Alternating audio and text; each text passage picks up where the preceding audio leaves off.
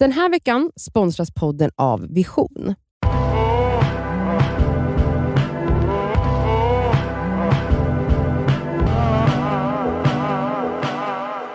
Den här veckan är lite speciellt. Det är liksom inte en vanlig vecka utan vi har faktiskt eh, en gäst den här veckan. Det har vi. Ja. Det här avsnittet är ett sponsrat avsnitt Mm. av Skinome som är ett hudvårds, färskt hudvårdsmärke. Och vi har grundaren och författaren till boken Hudbibeln här. Och hon heter Johanna Gillbro. Välkommen. Doktor. Johanna Gillbro. Doktor. Doktor. Du är väl så här forskare och grejer är du? Jajamän, Ja det är jajamän. otroligt sexigt. Ja. Man vill ju vara det. Man vill vara forskare. Man vill vara doktor. Doktor Elsa Ekman. wow. Kan inte du berätta lite kort om din ja, bakgrund och hur du, hur du hamnade här så att säga? Ja, nej men jag har ju alltid varit väldigt intresserad av huden. Och en stor anledning det är ju att jag hade en, eller har en hudsjukdom som heter vitiligo som eh, jag fick eh, från barnsben egentligen. Och eh, eh, det slutade i alla fall med att jag doktorerade på min egen sjukdom. Så att jag doktorerade i England i ett forskarteam som var specialiserat på vitiligo och utvecklade också en behandling eh, för, för vitiligo i det här teamet. Ehm, så det är egentligen bakgrunden och sen ehm, jobbade då i England och sen i andra länder, Jordanien bland annat. Eh, och kom då till Sverige eh, för ungefär kanske tio år sedan tillbaka till Sverige. Och eh, började jobba inom hudvårdsindustrin. Och insåg ganska snabbt att eh, vi utvecklar traditionell hudvård. Är det många gånger så att vi utvecklar hudvård för produktens bästa för att den ska hålla Mm. länge och vi stoppar i ämnen som kanske inte alltid är det bästa för huden. Så att när jag jobbade i olika sammanhang som forskningsledare eller innovationschef så kom den här idén tillbaka till mig hela tiden att om vi hade kunnat ha hudvård som var färskproducerad, kortare hållbarhet, eh, kylförvarad direkt efter produktion så hade vi kunnat eh, göra mycket bättre hudvård. Mina kollegor kallar mig för den ofrivilliga entreprenören för jag har ju aldrig eh, haft någon tanke på att starta ett företag eller vara i affärsmässiga sammanhang sådär utan eh, men det var bara någonting till slut som jag inte kunde inte... Inte inte göra. Ja, Men för att du precis. såg att det saknades på Ja, marknaden. liksom. exakt. Och ingen annan gjorde det. Jag försökte presentera den här idén. Vad spännande. Men du är ju författare också, du har skrivit boken Hudbibeln. Mm. Vad, vill du berätta lite kort om den? Anledningen till att jag skrev boken var för att jag kände att det finns så mycket okunskap när det gäller hudvård och samtidigt har vi aldrig spenderat mer pengar på hudvård Mm. än vad vi gör idag. Vi har aldrig använt mer hudvård än vad vi gör. Och där skulle jag säga att vi gemene man är så mycket mer påläst om vår hälsa och vad vår kropp behöver än vad vår hud behöver. Ofta behandlar vi vår hud på ett helt annat sätt än vad vi skulle behandla andra organ. Och huden är som sagt vårt största Mm. organ Mm. och, och väldigt levande i allra största grad och behöver omvårdnad på ett sätt som vi kanske inte vet. Så det var därför jag skrev Hudbibeln för att jag kände att det är absurt att vi, att vi är så intresserade av huden och hudvård och har ändå så pass lite kunskap om det. Mm. Mm. Mm. Vi har ju fått in väldigt mycket frågor Mm. Det har från våra lyssnare. Jättemycket frågor. Är du redo? Ja, absolut. Okej. Det här är superspännande. Ja, det tycker vi Ja. med. Eh, jag, du kan, Elsa? jag kan börja. Så här, behöver man ens hudvård? Är det någon som frågar och så här, eh, tänker så här, vi har ju levt utan det i alla år. Ja, exakt. Och det, det är så bra fråga för att den moderna människan, 200 000 år, vi har ju haft tid på att utveckla en perfekt hud egentligen. Så kan man ju Mm. verkligen Mm. tänka. Och eh, svaret på den frågan är ju att nej, eh, man behöver kanske inte hudvård i många fall. Ehm, för huden är ju så smart. Vi producerar ju en mängd olika ämnen, fuktbindande ämnen till exempel, olika lipider som huden behöver. Men på sättet vi lever idag, till exempel just nu, att det, nu befinner vi oss i en studio där det är torrt och varmt klimat och så går vi Mm. utomhus och så är det eh, kallt och torrt. Mm. Och då kan definitivt huden behöva hjälp. För det var egentligen inte så vi var utvecklade för att, Nej. att leva.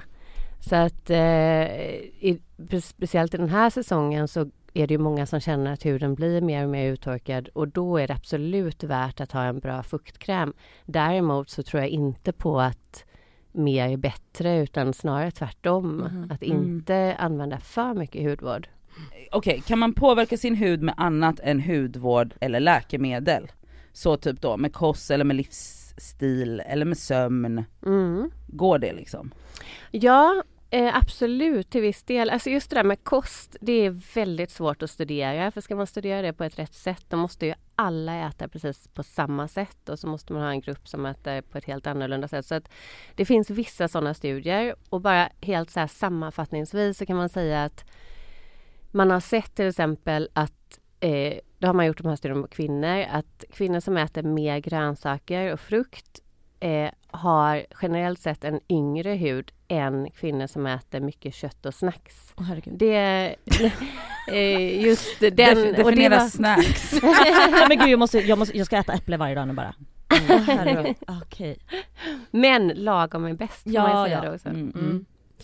Okej den här då, klassikern som eh, jag tycker man ser hela tiden på Instagram. Glöm inte att dricka lite vatten. Ah. det är Ah. otrolig hets kring, kring eh, don't forget the water, det Mm. ger dig fukt, eh, alltså så. Ja. Är det här sant? Alltså är det jätteviktigt att hälla i sig vatten varje dag? Kommer min hy glänsa om jag dricker massa vatten? Nej, absolut inte. Det där, det där är en, En myt. Ja, Åh vad skönt. Nu kan vi knäcka den.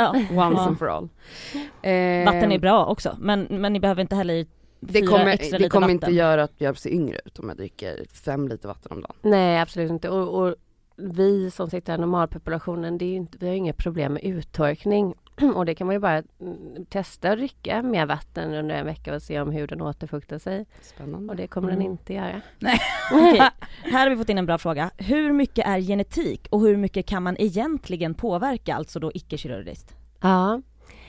Man brukar säga att 75% kan man påverka, 25% är genetiskt. Men det man främst har sett att man kan påverka huden genom det är ju att använda solskydd när det är sol. Jaha, det är det egentligen är det så. som påverkar. Ja. Okej för att vi har också en fråga, ska man ha solskyddskräm i ansiktet när det är molnigt? Alltså det är ju, jag tycker ju mig se eh, folk på internet som sägs vara experter på hudvård hets som att man ska ha SPF bara, till och med fick jag höra det här.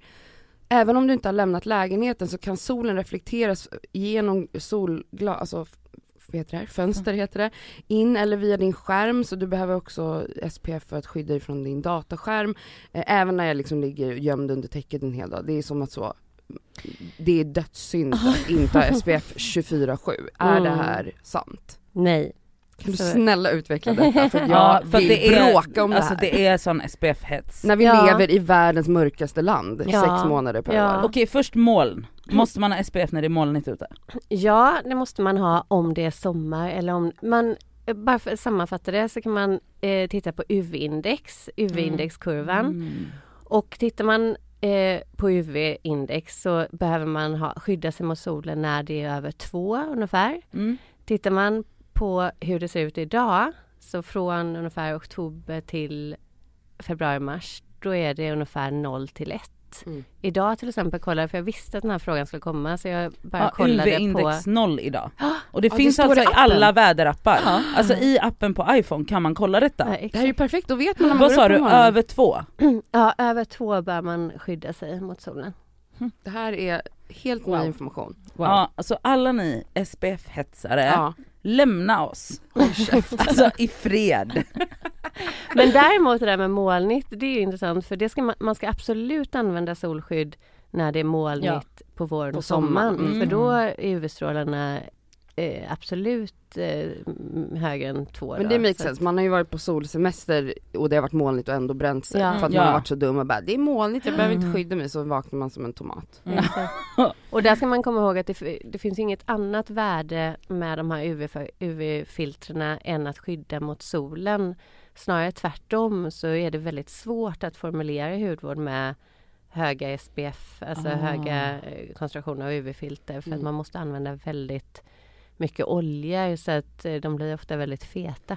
Eh, bästa hudvårdsprodukterna för 20-åringar då, som vill förebygga framtida ålderstecken. Mm.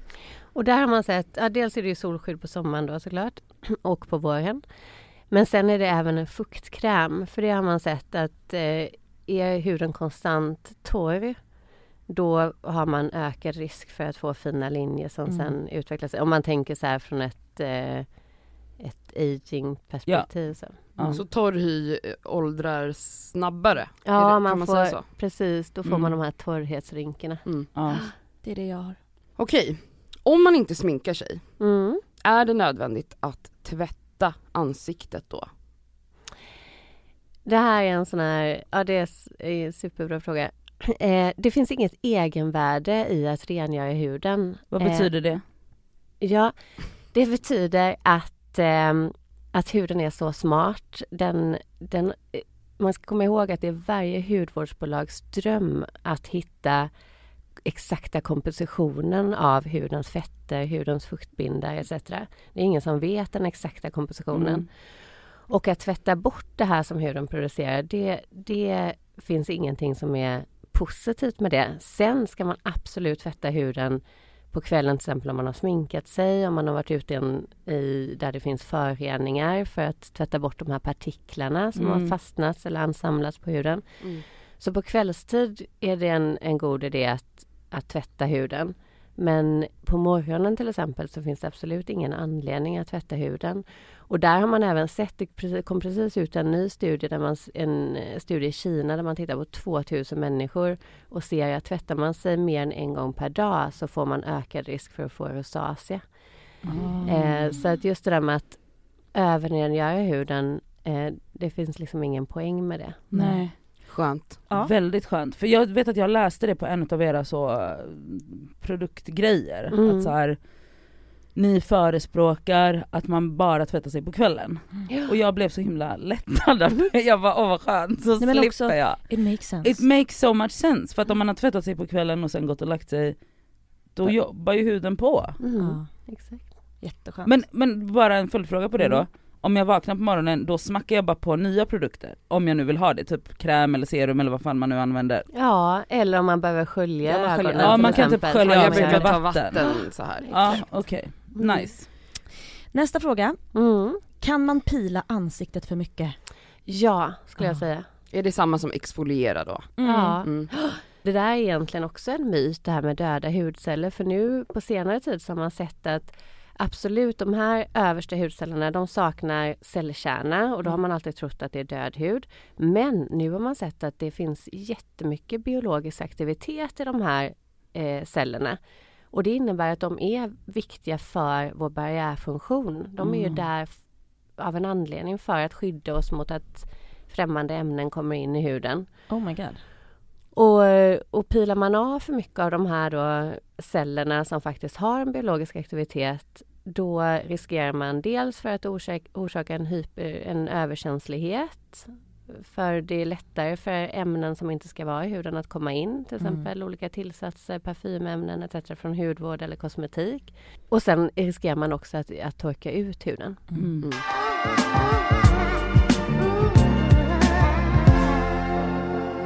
Vi hoppar på det här med ingredienser. Ja. Ja. Retinol Mm. pratas det om. Mm. Jag har själv aldrig vågat hoppa på det. Eh, men funkar det verkligen på rynkor? Ja, men det gör det. Retinol, vitamin A, alltså det är ju en helt kroppsegen substans. Vi har den helt naturligt i vår hud. Eh, och det är ju väldigt intressant historia det här för när man började använda vitamin A eller vitamin A-syra för akne, då kom de här patienterna tillbaka och självrapporterade att de tyckte att sina rynkor då hade minskat eller då försvunnit inom situationstecken. Mm. Och sen hoppade då kosmetikbolagen på den här, bo, på den här bollen. Eh, och numera så använder man då inte vitamin A-syra för det är klassat som ett läkemedel. Men däremot så, så används vitamin A i hudvård. Och det har absolut effekt eh, mot rynkor och det har också effekt, en utjämnande effekt på huden och även mot eh, en aknebenägen hud brukar man också använda retinol. Okej men då kommer ju jag gå och köpa retinolkräm. Ja. Eh, däremot så är det svårt, alltså retinol är en sån här substans som är jättekänslig mot luft, mot, eh, mot ljus, mot temperatur, till och med rumstemperatur. Så det är svårt med traditionell hudvård att veta som konsument om man får den retinolkoncentrationen som faktiskt står på burken. Mm. Och, så därför just retinol passar sig väldigt bra för kyld, kyld hudvård. Mhm. Eh, och då direkt efter produktion. Mhm. Eh, för annars så, och det finns till och med en studie på det när man har tittat på retinolprodukter och sett att eh, det är mycket som har förstörts i själva förpackningen. Okej. Eh, men okej, hjälper kollagen föryngring av huden? Om ja, ska det användas inifrån eller utifrån? Mm. Då måste jag säga, för, för det första så kollagen är ju fantastiskt. Mm. Kollagen har vi ju i vår hud för eh, det är det största proteinet vi har i vår kropp. Vi har det runt leder som stötdämpning. dämpning. Vi Mm. har det även i vår hud för att öka hållfastheten. Men man kan inte applicera kollagen på huden. Det är ungefär som att jag skulle daska en um, fläskfilé eller någonting på huden. för att, Okej, det eh, och- går och, liksom inte. och varför säger jag det? Jo, för att fläskfilé eller kött över, överlag innehåller ju väldigt mycket kollagen. Mm. Ehm, men ehm, och, och sen kan man äta det? Nej, jag skulle säga att det inte heller ger någon effekt för då bryts det ner i mag-tarmkanalen så att det kommer i så fall ut som fria am- aminosyror, inte en, en kollagenmolekyl som sen ska fraktas till huden. Men hur? Så det finns inget sätt att få mer kollagen? Jo, då kan man använda till exempel retinol. Mhm. Eh, då, man behöver ha små ämnen som kan tränga ner i huden och öka kollagenbildningen Ah. i huden men inte applicera kollagen. Okej. Okej. Varken utvärtes eller invärtes. Ja, för det finns ju massa Gud, grejer bra som folk håller på att dricka pulver och och sånt. grejer. Det är bara att sluta med eller? Ja, jag skulle säga eh, att eh, jag kan, inte, jag kan inte se att det skulle fungera.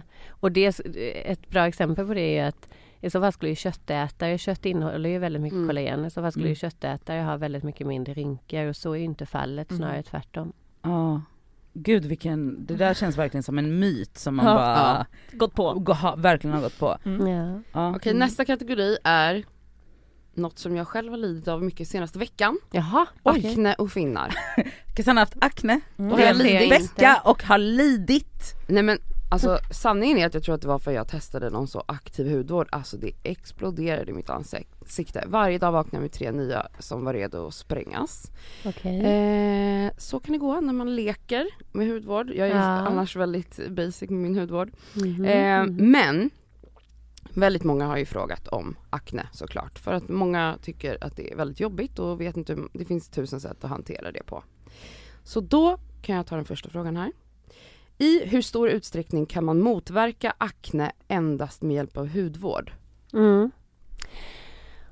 Och där, jag ska bara komma tillbaka till din, eh, din första fråga där med just med akne. Att det är ju egentligen den vanligaste orsaken till att människor be, besöker sin vårdcentral. Så att det här är ju så vanligt. 80% av alla människor har akne, eller finnar ska jag Mm. säga, någon gång i livet. Eh, och upplever att det är liksom jobbigt. Eh, jag skulle säga att har man diagnostiserat acne vulgaris, eh, att man får återkommande finnar som eh, med ett böldliknande beteende Mm. så att säga, där man riskerar ärrbildning, då ska man definitivt besöka sin vårdcentral eller hudläkare och inte botanisera i hudvårdshyllan. Eh, för just när man har fått, om man är orolig för att få ärr så är det väldigt svårt att göra någonting åt ärren som redan har bildats. Mm. Då är det bättre Mm. att använda medicinsk behandling innan. Och då en fråga då, vad kan man på riktigt göra mot aknefinnar? Ja, då är det ju medicinska behandlingar om man har, om man har akne som är en, egentligen klassas som en medicinsk sjukdom. Då är det ju läkemedel som eh, det finns ju en, man bör, brukar börja, med någonting som heter Epiduo. kan man få från sin vårdcentral. Mm. Men sen är det ju vitamin A-syra till exempel, antibiotika ehm, och eh, olika typer av, av läkemedel helt enkelt. Mm. Sen finns det absolut hudvårds... alltså som ett underhållsbehandling eller som ett komplement så kan man absolut använda bra hudvård. Och det behöver man ju också göra för många av de här behandlingarna kan ju vara ganska uttorkande. Just det. Mm. Så att eh, där är det ju eh, att eh, verkligen använda hudvård som är utvecklade för den här hudtypen. Och det innehåller ju ofta ingredienser som, ja, men som salicylsyra till Kan exempel. inte du berätta om salicylsyra? Mm. Hur funkar det egentligen? Salicylsyra är avfjällande, så det påverkar då de här tilltäppta porerna Mm. och påverkar också talgkörteln att eh, kontrollera talgproduktion, alltså oljeproduktion i huden. Det är lite upplösande kan man säga och avfjällande. Eh, och salicylsyra har ju använts under tusen års tid. Det extraherades ju från pilträd från början och man har använt det för psoriasis också i avfjällande syfte. Mm. Så, så det kan absolut vara ett, liksom ett komplement och sen eh, jag vet inte om det var frågor på andra ingredienser. Ja, alltså det- niacinamid. Vad är det ens? Jag Ja. har aldrig, va? Alltså jag har sett det på typ så burkar Ja men bara, alla de här fan? orden har man ju läst men man Mm. vet ju man inte vet vad man inte håller på med. nej. Ja men niacinamid det är samma sak som vitamin B3 Aha. och eh, det är en sån här allsidig ingrediens. Det är, dels så är den bra för barriärfunktionen så man ser faktiskt niacinamid ofta för mm, produkter för torr hud. Eh, då använder man ofta lägre koncentration och sen går man upp i koncentration eh, för att då eh, inte behandla men använda för en aknebenägen eller Mm. oljekombinationshud. Och där har man sett då att det, att det mm, också kontrollerar talgkörtlarna. Och sen går man upp ännu mer koncentration, då kan man faktiskt också jobba med hudtonen. Alltså man kan använda det för om man har hyperpigmentering, alltså Mhm. oregelbunden pigmentering i ansiktet. Mhm. Så att det, niacinamid ser man väldigt mycket och det kan man säga också, det är en väldigt stabil ingrediens. Eh, Så jämför man med retinol till exempel så bryts inte den ner eh, i Den är inte vanlig lika känslig traditionell... liksom. Nej, Okej. exakt. Ah, okej. Så det kan man använda i, liksom, i traditionell hudvård. Och när är, är den lika, alltså retinol vet jag ju att när jag har försökt mig på det så huden reagerar, man ska ju liksom fasa in den och vara ganska försiktig med retinol ju. Mm. Är det samma med niacinamid eller kan man blaska på det lite mer? jag gillar ju bara, jag tycker det är så jobbigt att tänka, åh nu är jag bara, jag måste få bara göra det här två gånger i veckan, jag vill liksom ha en fast, därför blir jag så förvirrad av sån riktigt aktiv hudvård. Jag, blir Ja. väldigt, jag går på för hårt helt enkelt. Ja. Det är det som har hänt mig nu. ja, men där skulle jag nog säga att eh, niacinamid, det är väldigt få som reagerar på Mm. niacinamid. Sen med det sagt så eh, tycker jag man ska akta sig för när det går upp i koncentrationer. För Och där måste jag bara avbryta Ja. dig. Vad Ja. är låg versus hög koncentration? Mm. För det Ja. ser man ju också så här i skyltar som är på burkar och sånt. Procent Hög, brukar det vara. ja, ja precis, och då när du säger hög koncentration, vad är det då? 5%? Ja, det, det, här, åh, det här är så bra fråga. För jag har liksom verkligen funderat över det Mm, så ja. många gånger att jag bara jag, vet, jag har ju inget, jaha okej, och så läser man på innehållsförteckningen och så bara, jaha, så när, vad är hög koncentration? Ja, och det beror precis på vilken substans det är. Ja, vilket Ja men niacinamid till. Så niacinamid till exempel, där är, jag skulle säga att man ska inte gå upp, absolut inte över 4 procent. Mm. Niacinamid. Och sen är det helt annat för retinol. Och vad är retinol då? Ja, där skulle jag säga att, att den högsta koncentrationen som man ska använda för att inte få bieffekter är 0,1 procent. Okej så det är så lite ändå? Ja, Okej. det är precis samma med, med läkemedel. Ja. Att ehm, det är en helt annan koncentration på paracetamol Ja, till ja. exempel om man jämför med ibuprofen. och- Men det är så bra att veta för där kanske man liksom lurar sig av att här, bara, men man måste ha en så hög koncentration av retinol som möjligt och så har man ju ingen uppfattning. Nej. För 0,1% låter skitlite men då tydligen är det tillräckligt eller Ja, alltså på gränsen när det gäller retinol medan niacinamid är då 4% som är taket Ja, enligt dig. precis. Exakt. Nice, bra info. Eh, tiden rinner iväg. Johanna, Ja. som avslut så här. Vilka är dina tre bästa hudvårdstips? Ja, då skulle jag säga ett, speciellt nu, en bra fuktkräm. Och med det innebär det att man har bra mjukgörande ingredienser, fuktbindande ingredienser i den här krämen. Gärna minimalistisk så att man inte stoppar på ämnen som faktiskt inte behövs för huden. Eh, gärna också hudegna substanser. Alltså hud, hudeget är ju det som huden producerar på egen hand. Och här Mm. finns det ju krämer som har ceramid till exempel, kolesterol, eh, squalan eller squalen som är den eh, hudegna substansen. Så att eh, hudvård som är minimalistisk, hudegna substanser eh, och eh, mycket eh, fuktbindande ingredienser eh, i, speciellt i dagsläget. Det är ett tips. Mm. Ett annat tips är att eh, bråka inte för mycket med huden. Ehm, Cassandra ser så skyldig ut. Jag skulle verkligen rekommendera att inte, inte hålla på för mycket eh, och inte applicera för mycket hudvård. Det är inte ovanligt att eh, om man använder till exempel en tiostegsrutin som inte har varit så ovanligt, eh, att man får 500 ingredienser på huden varje dag och det är då bara hudvård. Sen har du ju Mm. makeup och foundations och sådär. Och där finns det ju risker med det att, man, att huden kan reagera Mm. eh, på de här ämnena. Och eh, var även försiktig med rengöring och peeling som vi har pratat om. Mm. Håll inte på för mycket. Mm.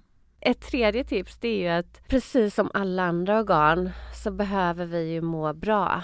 Ja. Eh, man ser, vi kom inte in på det innan men stress till exempel, Mm. psykisk Mm. stress påverkar ju huden enormt mycket. Och där ser man ju, dels så ser man ju det i hudsjukdomar. Alla hudsjukdomar står i direkt eh, kontakt egentligen många, många gånger med hur vi mår. Ja. Och det gör ju även en normal hud också. Eh, där ser man till exempel personer som har en enorm emotionell stress, eh, att man till och med ser att barriärfunktionen eh, minskar. Mm. Så att, eh, att ta hand om huden precis som du tar hand om dig själv och dina andra organ, det är ett, ett bra tips skulle jag säga. Så bra hudvård kan vara att investera i en bra terapeut. Absolut. Roligt. Okej, då kör vi den sista frågan här Johanna. Du har ju jobbat hela ditt liv som forskare med fokus på just hud och hudvård. Så vad är enligt dig framtidens hudvård? Hur ser den ut? Mm. Jag tror ju att framtidens hudvård är färsk. Mm. Jag tror att vi kommer att vi behöver ändra vårt, vårt sätt att utveckla och använda hudvård.